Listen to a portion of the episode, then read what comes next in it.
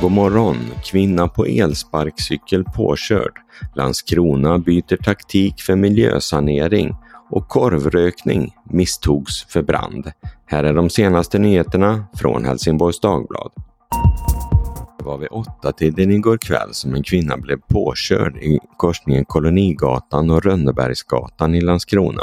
Hon färdades på en elsparkcykel och krockade med en bilist. Ambulans kallades till platsen men kvinnan behövde inte föras till sjukhus.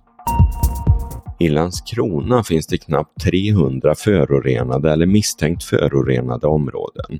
För att sanera dem har för miljöförvaltningen hittills jagat ansvariga för de värsta föroreningarna först för att få dem att betala för arbetet med att få områdena i skick igen.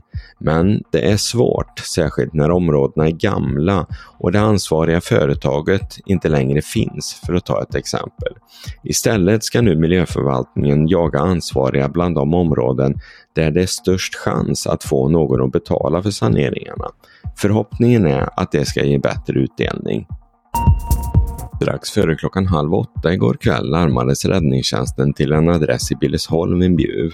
Väl framme visade det sig att det inte handlade om en brand utomhus som larmet indikerat, utan om något betydligt mer sympatiskt, nämligen korvrökning. 800 av de svenska försvarets bandvagnar ska renoveras genom att de får ny motor och ny växellåda.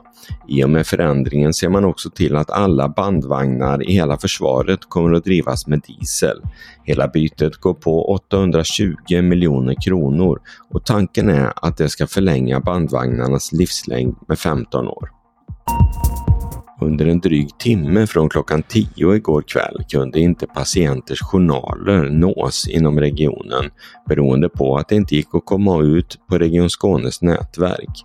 Felet tros ha berott på en uppdatering av brandväggarna tidigare under kvällen. Strax efter klockan 11 var problemet löst. Under den dryga timmen fick exempelvis journalkollar göras analogt, vilket tog lite längre tid än i vanliga fall. Under natten mot tisdag utbröt ett omfattande vulkanutbrott på Island. Utbrottet skedde i samma område där det varit vulkanutbrott tidigare den senaste tiden. Ett par mil sydväst om huvudstaden Reykjavik. Lava från utbrottet riskerar nu att nå den närliggande staden Grindavik som sedan tidigare evakuerats på sin befolkning. Och så vädret. Idag blir det mm, mestadels regnig och mulen dag i nordvästra Skåne. Åtminstone från morgonen och till i eftermiddag. Vinden blir svag och blåser från väst. Temperaturen håller sig mellan 6 och 8 grader.